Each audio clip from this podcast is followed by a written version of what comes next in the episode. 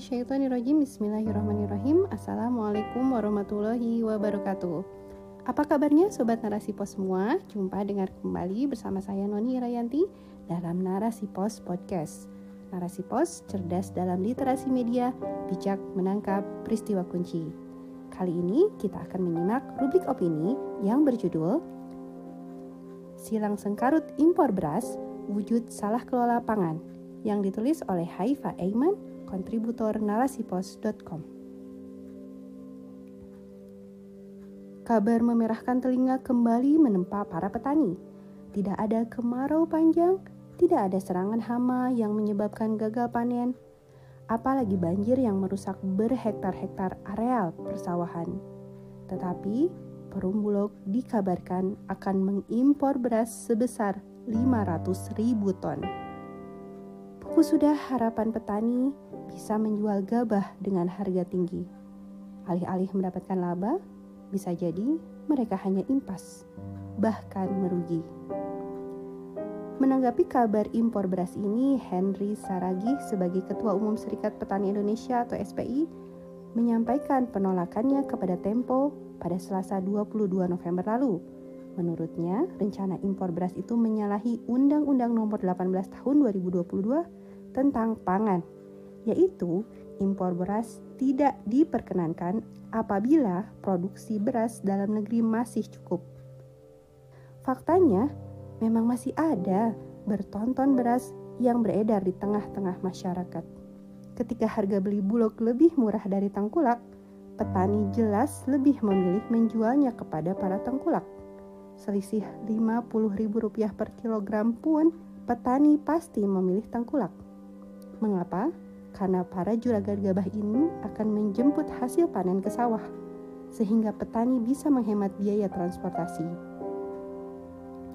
Akan tetapi, bila harga dari bulog dan tengkulak ini benar-benar tidak tertolong, petani akan menyimpan gabahnya sebagai persediaan, dikonsumsi sendiri atau menjualnya sudah dalam bentuk beras.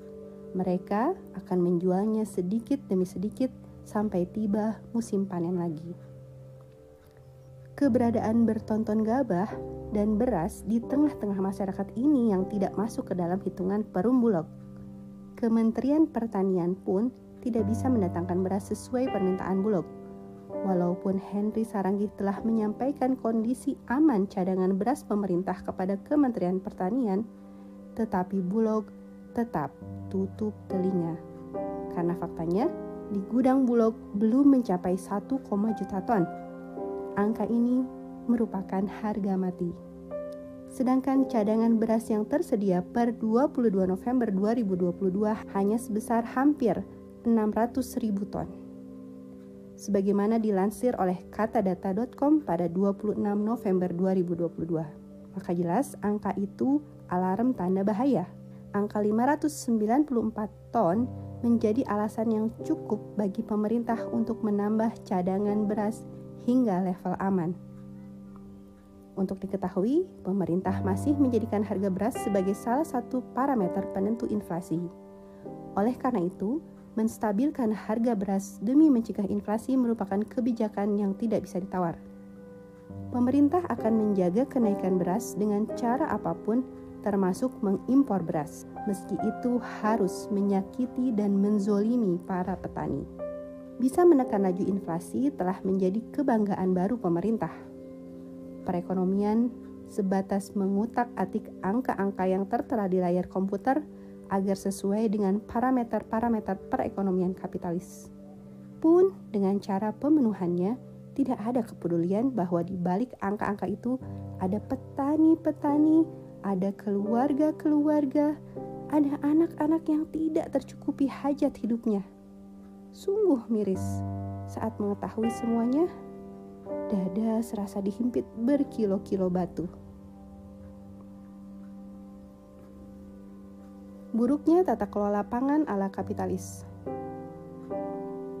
Seluruh persoalan ini menunjukkan adanya kegagalan perencanaan mulai tahap sebelum masa tanam pemeliharaan, pengelolaan hasil panen sampai penyerapannya oleh Bulog.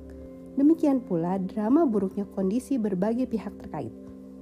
Badan Pangan Nasional atau Bappenas sebagai sebuah lembaga pemerintahan yang baru dibentuk melalui Peraturan Presiden 66 tahun 2021 dan digadang-gadang mampu menciptakan kedaulatan pangan, ketahanan pangan, dan kemandirian pangan bagi negara justru makin memperpanjang garis koordinasi.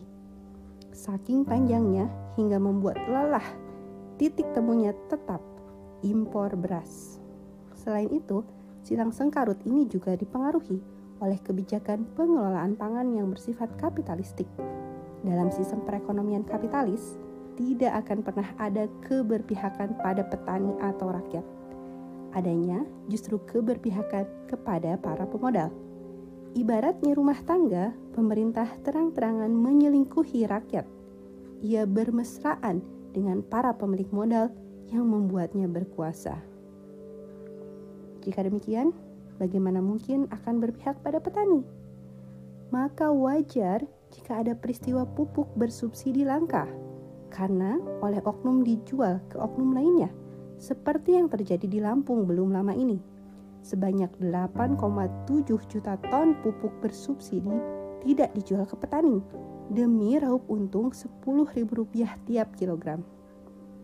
Bersumber dari Kompas 18 November 2022. Bila pupuk langka, jelas petani akan kesulitan mendapatkannya.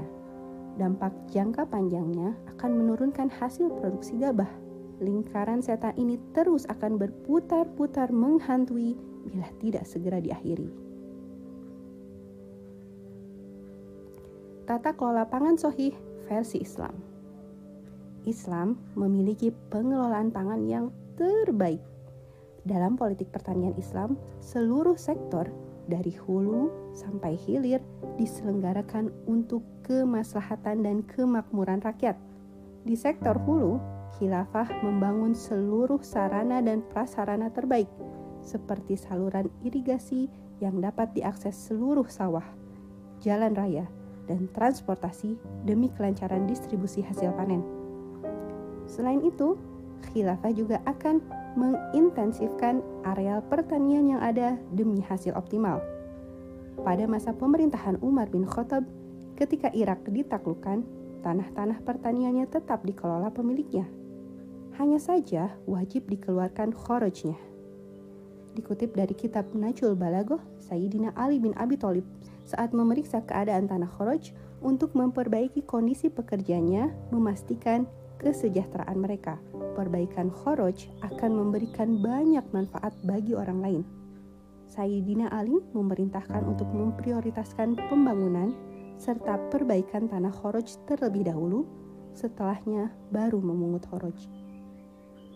Intensifikasi ini dilakukan beriringan dengan ekstensifikasi atau perluasan areal pertanian.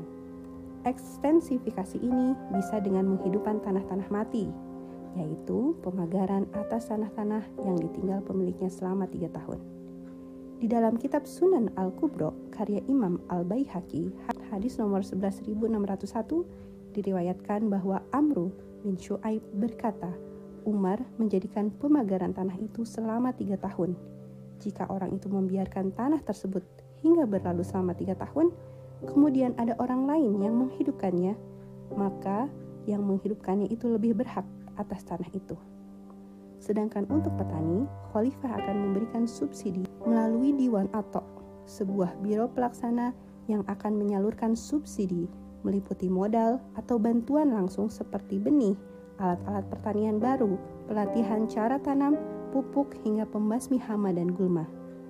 Di sektor hilir, khilafah akan memberikan kemudahan bagi petani untuk mengolah hasil pertaniannya, membelinya dengan harga tinggi sesuai kualitas, menjaga kestabilan harga dengan menghilangkan aktivitas penimbunan dan menahan produk dengan tujuan menaikkan harga. Al-Hakim dan Imam Al-Baihaqi meriwayatkan dari Abu Umamah Al-Bahili bahwa Rasulullah Shallallahu alaihi wasallam melarang penimbunan makanan. Bila tetap melanggar, maka khalifah akan memberikan takzir kepada pelaku penimbunan. Khilafah mengkalkulasi seluruh kebutuhan pangan tiap wilayah tanpa ada yang luput. Bila surplus di satu wilayah, sementara lainnya paceklik, maka bahan pangan akan segera didistribusikan ke daerah paceklik. Seperti yang pernah terjadi di Madinah.